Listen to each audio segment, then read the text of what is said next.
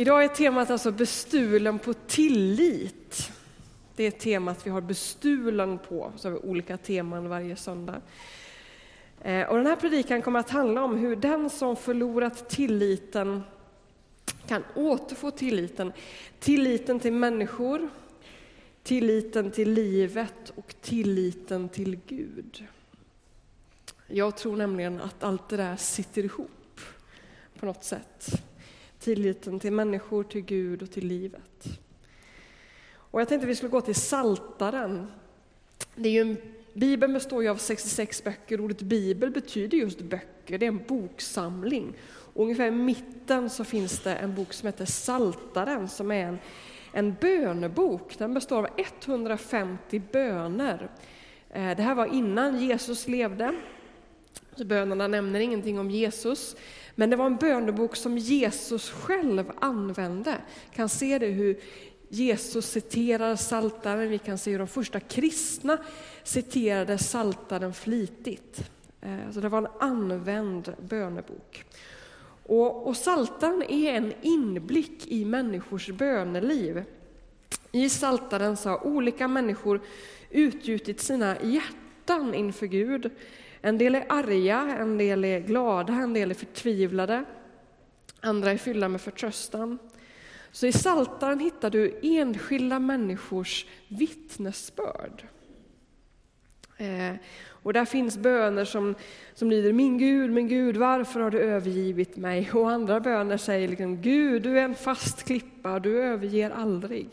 Så det är liksom en stor mångfald i Psaltaren av olika sorters böner. Och jag tänkte att vi skulle läsa en, en psalm som finns eh, som, nummer 146 i slutet av Psaltaren. Och, och jag läser hela den psalmen. Så här står det. Halleluja. Prisa Herren min själ. Jag vill prisa honom så länge jag lever. Lovsjunga min Gud så länge jag är till. Lita aldrig på mäktiga män, människor som ingen hjälp kan ge. Det ger upp andan och blir jord igen. Då går deras planer om intet. Lycklig den som har sitt stöd i Jakobs Gud och sätter sitt hopp till Herren sin Gud. Han som har gjort himmel och jord och hav och allt vad som finns i dem, han sviker aldrig sina löften. Han ger de förtryckta deras rätt, han ger dem svältande bröd. Herren befriar de fångna. Herren öppnar blinda ögon. Herren rätar krökta ryggar. Herren älskar de trogna. Herren ger främlingar skydd, stöder faderlösa och änkor, men korsar de ondas planer. Herren härskare för evigt, din Gud och Sion från släkte till släkte. Halleluja. Och jag har fastnat lite för den här frasen i början. Lita aldrig på mäktiga män, människor som ingen hjälp kan ge. Man kan ju undra vad den här människan som har formulerat den här bönen har varit med om som har gjort att han eller hon formulerat sig på det sättet. Det kan ju vara så att man har bara hört någon predikan, någon undervisning och så har man skrivit den här bönen. Men det kan ju också vara att den här personen har varit med om någonting som har gjort att den uttrycker sig på det här sättet. Kanske är det så att bedjaren i den här salmen har blivit bestulen på sin tillit till andra människor.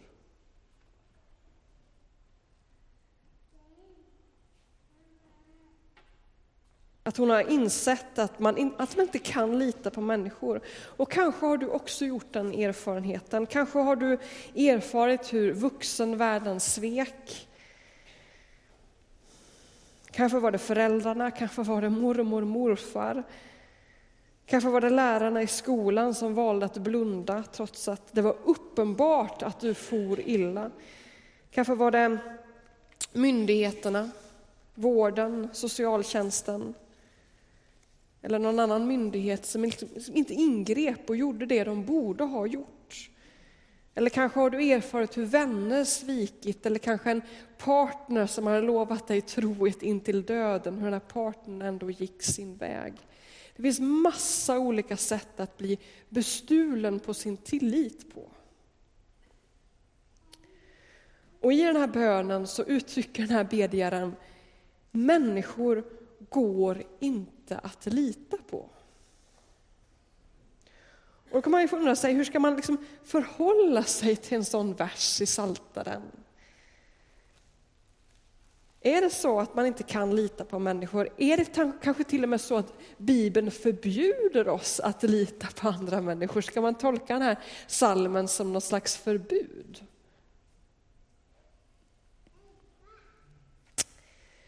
Så här fortsätter salmen, det stod i, vers 5 och 6. Lycklig den som har sitt stöd i Jakobs Gud och sätter sitt hopp till Herren sin Gud. Han som har gjort himmel, jord och hav och allt vad som finns i dem, han sviker aldrig sina löften. Det är ju så, människor kan svika men Gud sviker aldrig. Och den här bedjaren har ändå erfarit att det finns en lycka i att sätta sin fulla tillit till Gud. Det finns en lycka i det. Och jag tror att det är vägen framåt för den som har förlorat sin tillit. Men jag tror också att det finns en risk att den som har blivit bestulen på sin tillit kan använda den här salmen som en ursäkt för att aldrig släppa människor in på livet. Och då kan den här salmen bli farlig. Ja, det är sant att det bara går att lita på Gud. Han är liksom den enda som inte rämnar. Den enda som är till fullo trofast, den som liksom aldrig sviker. Och ändå är det så att den här guden kallar oss att leva i tillitsfulla relationer. Gud vill att vi ska leva i gemenskap med andra människor, i familjer, i vänrelationer, i församling. Jag är övertygad om att det finns en, en växelverkan mellan att kunna känna tillit till Gud och kunna känna tillit till människor. Vår tillit till Gud påverkar vår tillit till människor och tvärtom. Om vi är oförmögna att känna tillit till människor så kan också det hindra oss att känna tillit till Gud. Ulrika berättade ju om det i sitt vittnesbörd, att, att, att bristen på, på tillit till människor kan påverka relationen till Gud. Att, att detta har fått erfara hur, hur en vuxen, en förälder svikit, att det har gjort att det är svårt, att det kan bli svårt att lita på Gud. Och hon berättar att hon helt enkelt liksom fick så att det går inte att trycka på en knapp, men man kan ändå ta steg, man kan bestämma sig för att liksom börja den här vandringen, att börja lita på Gud. Och det kan krävas mod att våga ta det steget, att göra någonting som man gör lite mer än vad man vågar. Ehm, jag är övertygad om att det här är, är rätt väg att gå. Om du blivit bestulen på tillit så är vägen framåt att bekänna sin tro på Jesus. I ett av evangelierna så, så ber en man så här. Jag tror, hjälp min otro. Det är en väldigt bra bön. Jag tror, hjälp min otro. Eh, om man med, med, sin mun bekänner sig till Jesus så kan Gud skapa tro, skapa tillit i ens innersta. Om man har svårt att i sitt hjärta känna tillit så kan man, kan man med sin mun bekänna sin tro. Eller kanske komma hit fram och tända ett ljus och liksom säga, jag vill kunna lita på dig Gud. Eller kanske ta ett sånt här steg som både Ulrika och Urban berättar, att man, gör det där liksom konkreta och säger att nu gör jag det här Gud, som en slags proklamation om att jag vill, jag vill kunna lita på dig.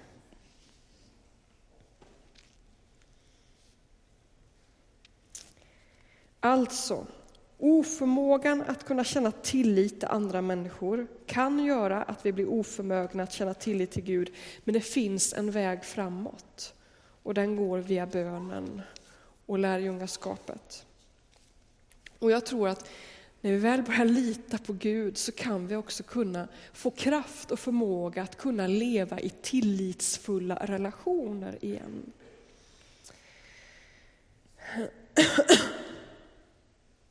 För jag tror nämligen att tron på Gud, tron på Jesus kan, kan hjälpa oss att hantera människors svek, hantera människors ondska. Och det gör att vi kan få kraft att leva i de här tillitsfulla relationerna på ett helt annat sätt. Jesus visste att det inte gick att lita på människor. Ehm, han visste att människan var kapabel till väldigt mycket ont. Dels hade Jesus en stor insikt om hur människan funkar. Jesus var både Gud och människa på samma gång, så han hade verkligen insikt i, i, i vad en människa är för någonting. Men det var också så att Jesus själv fick erfara hur människor svek. Hans vänner svek. Hans religiösa sammanhang svek. Eh, den politiska makten svek, alltså lärjungarna, eh, de judiska prästerna, Pilatus, hela den romerska makten. Alla dessa svek Jesus och gjorde det som var fel och orättvist. Och ändå är det så att Jesus inte flyr undan. När soldaterna kommer till Getsemane och ska gripa Jesus och Jesus vet precis vad som ska hända, så gör han inte motstånd utan han låter sig gripas. Han närmar sig de här onda människorna. Eh, känner ni till den här tillitsövningen? Jag gjorde den många gånger i skolan, i grundskolan. Ni vet man ska liksom ramla baklänges eh, och, och lita på att de bakom tar emot. En sån här gruppövning, man gör teamövning. Eh, och det är som att Jesus gör så, han bara faller baklänges in i onda människors händer. Trots att han vet vad som ska hända. Hur kan han göra det? Hur, kan han, hur vågar han, han närma sig onda människor? Eh, jo, för att han litar på Gud. Han litar på att Gud kan hela det som människor gör illa. Han vet att Gud är starkare än människor.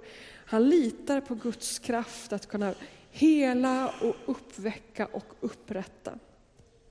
Eh, han vet också att det här är vägen framåt. Han litar på Gud när han säger att det här är, det här är min vilja för ditt liv. Det är så vi ska liksom besegra ondskan, inte genom att slå tillbaka, utan genom att visa godhet. Att våga visa tillit till människor som egentligen inte är värda det. Det är vägen framåt och Jesus tror på det. Och då får han kraft att kunna vända andra kinden till. Alltså, Jesus vet att man kan inte lita på människor. Och ändå gör han det. Jesus är realistisk och det gör att han inte blir besviken. Men Jesus vet också att människan är förmögen till mycket gott. Och innan jag går vidare med att säga någonting om det så vill jag säga till dig som, som kanske finns i en relation där du blir slagen. Det kan vara viktigt att säga det när man pratar om vända andra kinden till. Om du finns i en relation där du blir slagen eller blir utsatt för våld på olika sätt, så, är, så skulle jag säga till dig, fly undan den relationen. Du hjälper inte din partner genom att stanna kvar i en sån relation, utan det måste upp till ljuset. Ni måste få hjälp båda två. Så att de här orden om att vända andra kinden till betyder inte att man måste stanna kvar i en våldsam relation. Ibland går det inte att undvika våldet. Alltså lever man i Syrien idag så går det inte att fly. Men du som kan fly, gör det. Beröva din nästa förmågan att, att göra ont mot dig. En parentes.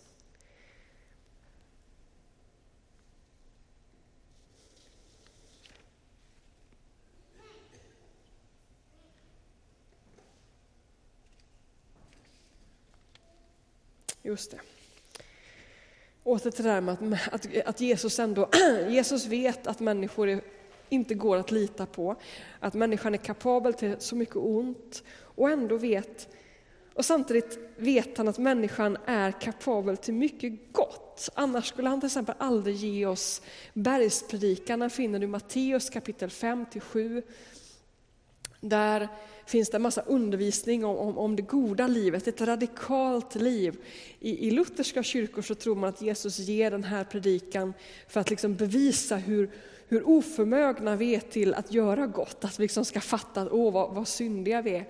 Men i, i en baptistisk tradition som vi tillhör, då tror vi att ja, men det här är möjligt att praktisera, det här ska vi praktisera.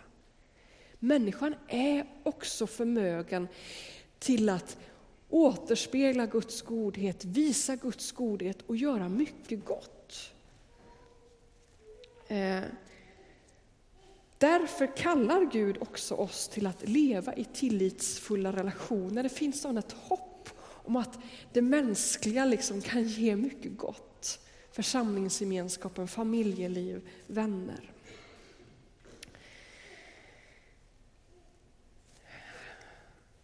Går den här predikan snart mot sitt slut. Jag har försökt att förklara, jag har liksom grejat med den här predikan jättemycket för att försöka få det här tydligt. Jag tror att det finns en växelverkan mellan att lita på Gud till fullo, att ha sin fulla tillit till honom och samtidigt leva i tillitsfulla relationer samtidigt som man vet att människor är onda. Jag tror att det går. Jag tror att man genom att tro på Jesus kan få kraft att möta svek, ondska och besvikelse. Till sist ska jag säga bara någonting om detta med att förlora tillit till livet. Det som ju också kallas hopp. Kanske har du erfarit hur, hur liksom allting bara rämnat. Omständigheter eller sjukdom har gjort att du fått en dyster syn på framtiden. Och det har berövat dig hoppet. Du litar inte längre på att livet är gott. Att det kan hända bra saker. Utan det känns som att du finns i en liksom spiral där bara eländet ökar. Enligt Matteus evangeliet så, så när Jesus hänger på korset, har blivit utsatt för allt detta, så det sista han säger, då ber han från saltaren. Psalm 22 som inleds så här. Min Gud, min Gud, varför har du övergivit mig?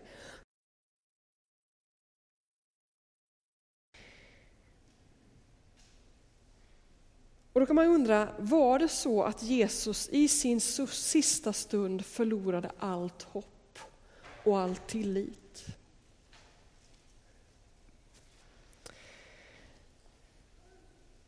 Ni som har växt upp i kyrkan kan ju en massa sånger utan till. Ehm, för ett år sedan så var det en turné som hette Växtverk som kom hit till Linköping. Hur många var och såg den i Pingkyrkan? Någon enstaka, lite på läktaren. Det var en föreställning som framförallt riktar sig till folk i min ålder, unga vuxna. Ehm, och den inleddes med att vi alla och den riktar sig till människor i min ålder som har växt upp i kyrkan.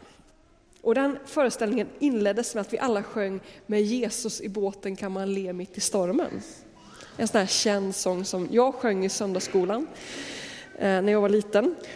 Eh, och det var en rätt märklig känsla att sitta där, massa människor i Pingstkyrkan och sjunga den här sången. Och så finns det Eh, det roliga med den här sången är att man kan ta bort ett ord i taget och göra rörelser. Och det fantastiska var att sitta så många människor, alla kunde detta. Och man känner att jag är verkligen del av en subkultur. eh,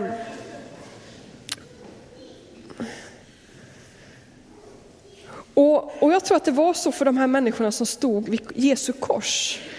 Att för dem var den här psalm 22, ungefär som det här med Jesus i båten kan man le mitt i stormen. Alltså de kunde den utan till. De orden som utlämnades liksom ringde fortfarande i huvudet. De kunde den salmen.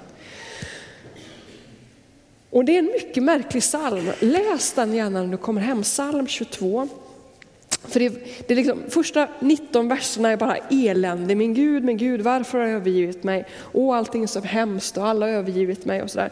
Och i vers 20 så börjar det vända, så står det, men du Herre, dröj inte långt borta, du är min styrka, skynda till min hjälp.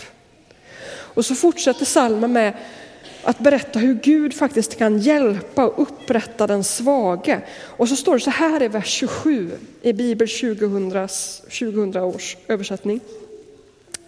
Det betryckta får äta och bli mättade, det som sökt sig till Herren får prisa honom.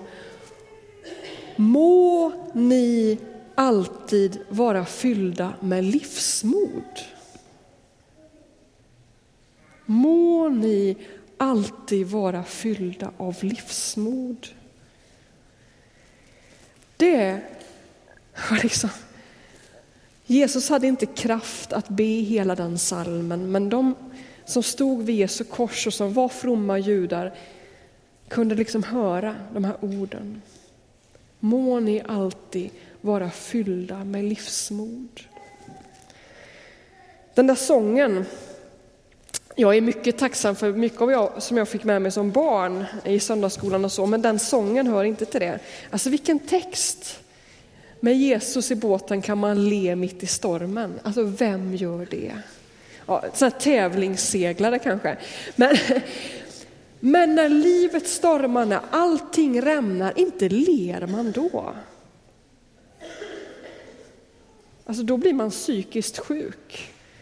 I de lägena måste man få släppa fram den besvikelse man har, släppa fram den sorg, den oro man har. Och då är saltaren som fantastisk, för den ena stunden liksom, men Gud, men Gud, varför har du övergivit mig? Allt är elände, du går inte att lita på. Och nästa sekund, men jag vill ju tro på dig.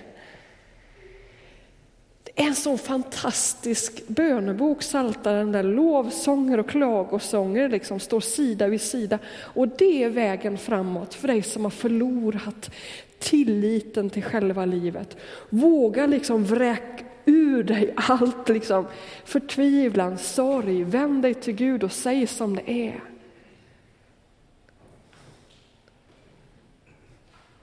Minns Jesu bön på korset. Min Gud, min Gud, varför har du övergivit mig? Och detta, må ni alltid vara fyllda av livsmod. Nu har det kommit en ny bok på Libris, det är det sista jag säger nu. Det finns, en, en bi, det finns ju bibelöversättningar där man liksom försöker översätta och fundera liksom, vad står det i grundtexten och det ska vara så bra som möjligt. Och så finns det något som kallas för parafraser. Då försöker man liksom lite skriva om så att vi moderna människor ska förstå. Försöka använda vårt språk och våra metaforer, våra liknelser. Och det kallas för parafraser. Eh, Levande Bibeln till exempel är en parafras. Och så finns det en populär engelsk parafras som heter The Message. Och den har man nu liksom fått på svenska. Man har tagit den engelska parafrasen och översatt den till svenska. Och man har översatt Nya Testamentet och nu kom Saltaren, den är grön. Och den finns ute i vårt bokstånd här nu. Det är liksom en bönebok, hela Saltaren har du här i modernt språk. Fantastisk poesi i den här, så titta i den och använd det som en bönebok. En väg att liksom återfå tilliten. Amen. Nu ska vi ha en bön och lovsångsstund. Lovsångsteamet ska leda oss i sång. Vid trappan där så har vi förebedjare som gärna lägger sina händer och ber för dig. Det är ett uttryckssätt som man har i kyrkan. Man lägger en hand på den man ber för och så ber man om Guds välsignelse. Så man liksom omsluter den personen. Kanske har du varit med om någonting som liksom gjort att tilliten, du blev bestulen på din tillit. Kanske du har den erfarenheten som Ulrika har, en frånvarande förälder. Kanske en vän som har svikit. Låt, låt oss få be för dig och välsigna dig. Du kanske inte liksom vill avslöja allt utan du kanske, kanske en, du vågar inte riktigt berätta allt, men säg bara det. Be om tillit. Be att jag ska känna tillit igen. Du kan få andra bönämnen. Vilket bönämne du än har så kan du gå till förebedjarna. Vi har lappar här som man kan skriva, dels tomma lappar som man kan skriva böner och lägga i den här lådan. Det är ingen som kommer läsa dem. Det finns andra lappar där man kan reflektera lite över kring det här med tillit. Jag ska också gå och hämta, det finns ett samtalsunderlag till den här predikan också som just nu ligger på fikaborden. men jag ska lägga det där. Eh, ljusbäraren, gå fram tänd ett ljus för, för någon bön du har. Gör det som liksom en symbolisk grej om du har svårt att formulera det med ord. Gör liksom, ta det steget. Våga. Vi har Linköpingskartan här. Eh, som vi har lyckats få upp på pappkartong nu. Den blev lite bucklig, vi ska försöka räta upp den. Stå här och, och be för Linköping, att fler människor ska få bli upprättade i Linköping, få en tro på Jesus och vinna tilliten åter. Be för något land där på jordgloben eller för någon av de här bönämnena som finns på tavlan. Och här kommer Urban också stå och så lägger vi våra händer på honom och ber för, för hans framtid. Så nu är vi i bön och i lovsång. Och vi står upp tillsammans.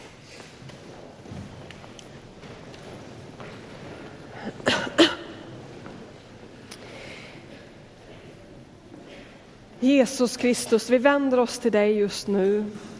Och vi tackar dig för att du är värd att lita på. Och vi ber att vi ska få lära oss vad tillit är. Att lita på Gud och att kunna leva i tillitsfulla relationer. Jag ber att du skulle komma med läkedom och helande och hjälp att kunna förlåta.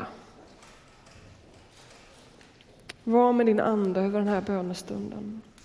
I Jesu namn. Amen.